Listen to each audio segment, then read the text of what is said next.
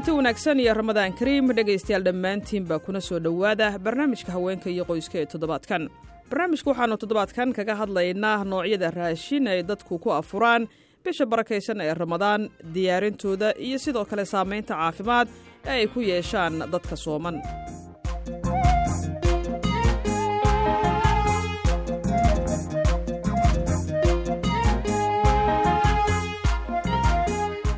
kasta oo ay bilato bisha barakaysan ee ramadaan waxaa qoysaska soomaalida ah ee heli kara ku soo kordha howl cunno karin oo ka badan tan bilaha kale. Hawshaas oo inteeda badan ay dhabarka u ritaan hooyooyinka iyo gabdhaha ay dhaleen. Madiine maxamuud maxamed waa hooyo degan magaalada muqdisho oo maalin walba afurka u diyaarisa qoyskeeda. Subaxda waagu markuu beriyo oo ilmaha aan kaagiciyo oo waxaan kule dugsi qaar u diro oo wax kala habeeyo waa baxaa shaqaan aadaa shaqada markaan ka imaado sideed saac camal ka soo ordaa shaqada. Waxaan saaraa burjukooyinkaan shidaa mid waxaan saaraa shaahi mid waxaan saaraa suugadii sambuuskii hadda ilaa sagaal saac ilaa hadda xilligaan jikaan ku jirnaa oo qoraxda adinku afka saaran yahay. Agtayda aniga waxaan karinaa malaay iyo waxaan karinaa suugo baasto. Gabar waxay karinaya sambuuskii canjeelo dube meel gooni ah aniga gabadhayda cunadaada jiko iskula jirna kii kale waxay sida shishin wiil waxuu la bixinaa timir. Aniga dhan shaqaan haynaa aniga waa maqnaa shaqaan ku jira iyaga waa kala maqnaayeen. Sideed saaca lasu imaana waxaa la leeyahay safa laga mara shaqada. Sida ay sheegtay madiino waxaa iyada iyo carruurteeda oo iskaashanaya ay maalin walba diyaariyaan afur noocyo badan leh.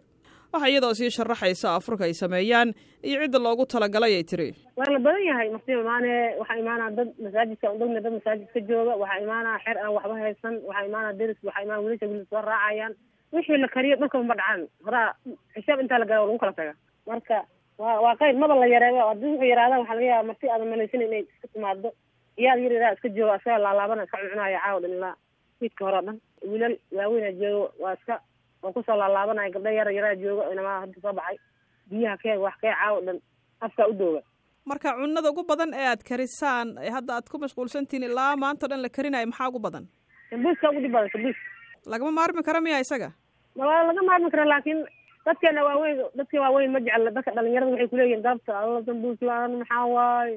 Aniga sambuusaa rabnaa. Awo sambuuska sambuuska daama galabta afkaba lagu dhufan. Waxaan kuleeyahay xiisada iyo xagaakuba debi ma sambuus la'aan maxaa waaye? Sambuus la'aan horta hadda sambuusaaba sheekada laga bilaabaaba sambuus sambuus la'aan maxaa? Sambuus la'aan afarka wax jiraba ma ahan. Maxaa waaye sambuus la'aanta waxshadaas iyo waxaas ku gudaal cunaa sambuuska aawo waa la diriraa galabta dhan madiino ayaan mar kale weydiiyey bal inay sambuus samaystaan xilliyada kale ee aan ahayn bisha ramadaan iyo in kale. Dadka dadka iska xiisa xiiseeya waa iska samaystaan laakiin jaanis maba uhayna markaas waa kala tagnaabo. Waa ta laakiin laakiin dadka waxay is weydiiyaan. Sambuuska haddaan bilaha kale caadiga aan la cunin maxaa soonka un loo rabaa in sambuuskan la cuno? Wallaahi dadka soomaalida on dagacaddooda ka dhigata dadkaas sajec aniga markii aan ilmaha hadisa igu qasbayn sambuuska dhan ba inaan sameey ma jecli. Waxaan sajex ogaa yara mala waxa iska karsado hase markaas baaso ama beris ama canjeera ama muufo wixii markaas yaa iska cuno biyahay iska cabo. Laakiin dhalinyaradan sambuus saad uga dhegantaaba waa warey sambuusey marka dhalinyarada warkeeda oo la yeela ma ahane sambuus qofna dadka waaweyn maba jecel maba roona gaashkiisa iyo saliidiisa iyo wareerkiisa. Maadaama ay hawsha guriga badato inta lagu guda jiro bisha barakaysan ee ramadaan ayaa waxaa jira aragtiyo ay badi dadka soomaalida ahi qabaan taasoo ah in dumarku ay keligood ku dhabarjabaan hawsha guriga gaar ahaan diyaarinta afurka cashada iyo saxuurta. Hase ahaatee dhegayste iga codsaday inaan magaciisa ku soo koobo x a m oo deggan magaalada muqdisho ayaa sheegaya in hawsha gurigiisa aan loo kala harin rag iyo dumarba. Wallahi waa la kariya aniga waa la kaalmeeyaa ilmahayga saas oo kale wiilashayda maxay sidoo kale dhinaca kale kariyaan dhinaca kale hagaajiyaan. Fahmino laba wiil waxay sameeyaan hooyo waxay la diyaariyaan sambuuska iyo hilibka la shiidaan hilibka u shiidaan basasha u jarjaraan allahu mustacaan. Burki burki uqasaan ayadina sambuuska ma yaqaanin waa hooyada waqti laakiin ayaga sambuuska ayaga kushuba bahasha hilibka waxas ayaga kushuba ayaga burka mariyo meesha dhedhiga mafahant iskaashato ahaana ku shaqeynaa. Mid qarahoo jarjaraa kuwa cabitaanka miira. Aniga wixii soo baxa waa dhinaca ka sii dubaa bajiyahay sambuuska laakiin waxaa dhinaca kale jira dhaliilo ay dadku u soo jeediyaan qoyska marka ay arkaan qoyskii oo dhan oo afur wada karsanaya iyagoo aan u kala harin. Taasoo marka dhinac laga eega ah mid salka ku haysa dhaqan marka dhinaca kale laga eegana noqon karta mas'uuliyadka carar maxay dadkaasi yidhaahdaan yacni jikadaas haween ma tihiin haweenkaaga gushiinka loogu talagalay iyo maxad wiilasha waxaas maxaa loo bara iyo adaa odagii meesha wiilasha waxaas maxaa utusinaya wax badana la yidhahdaa mo. Marka maxay to oo meelahaas kore ka yimid badan. Hadda calakimiinaan deganahay dadka badanaa dad yimid waaye baadiyaas meelaas ka yimid muddo xamar degan waxyaabahaas oo ragga kushiin gala dhalinyarada kushiin gala aaday ula yaabaan macnaa wax suurtagal lama aha macna fahant maxay leeyihiin? Qorqodaa tihiin?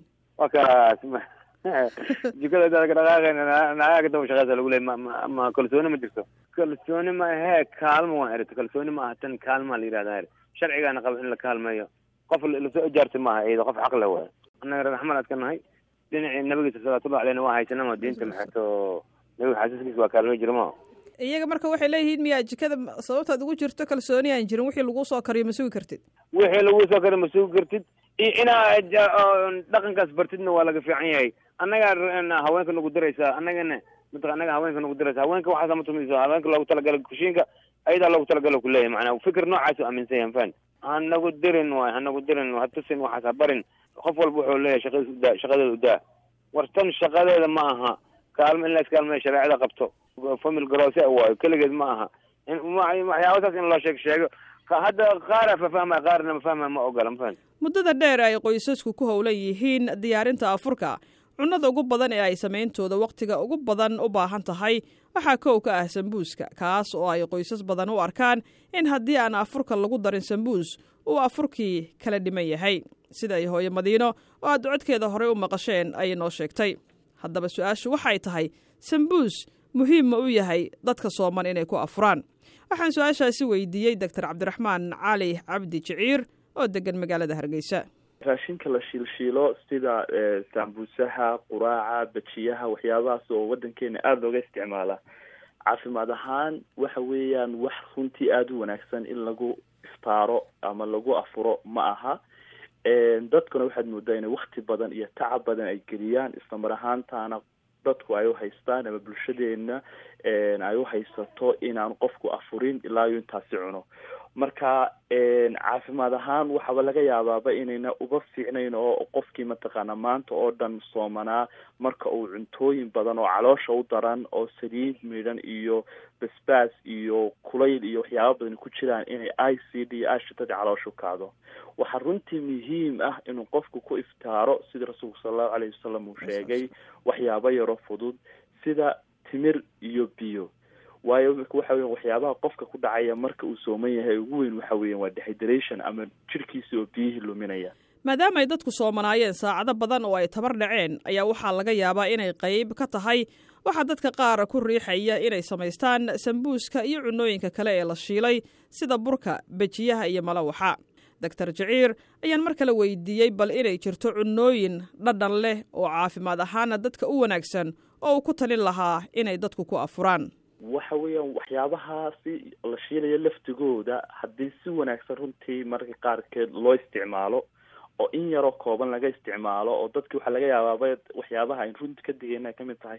Dadka inuuba mataqaanaayo intuu saambuuso ama quraac ama bejiye ka dhargay inuuna qofkiiba cashayn karaynin ba cuntadii kaleba ka xidhaysa laakiin inuu in yaroo kooban mararka qaarkood ka taabtaa caafimaad ahaan wax dhiba maleho de qofkii haddii uu runtii uu uuna iska qaban karaynin waxa weeyaan in in in in mataqaanaaye wax yaroo kooban uu ka qaataa wax dhibah oo sidaa u sii badan male.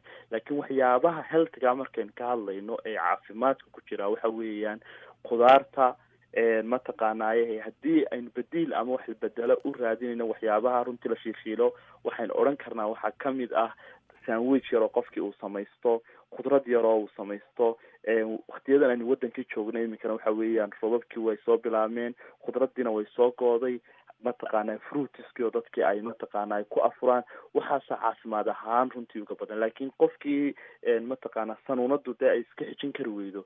Waxa weeyaan waxa weeyaan kuwa kaasoo kale waxa wey waa special case walaal. Haddii haddaba qofka sooman uu badsado cunista waxyaabaha la shiilay sida sambuuska burka amaba quraaca iyo suugada amaba sanuunadda maxay u dhimi kartaa caafimaadka qofka? Doctor jaciir ayaa inoo haya jawaabta. Aashitada calooshu ay runtii ay aada u kariyaan waxaa ka mid a dhereg fara badan oo qofkii mataqaanaaye isagoo waxbana cunin oo cunto nafaqalana aanay ahayn. Isla mar ahaantaana si dhokso ah uu ku dibiro. Calooshii oo waxaa laga yaabaa inuu keento mataqaanaa inuu calooshii dib ugu soo noqoto oo laabjeex oo kale oo qofkii ka qaado.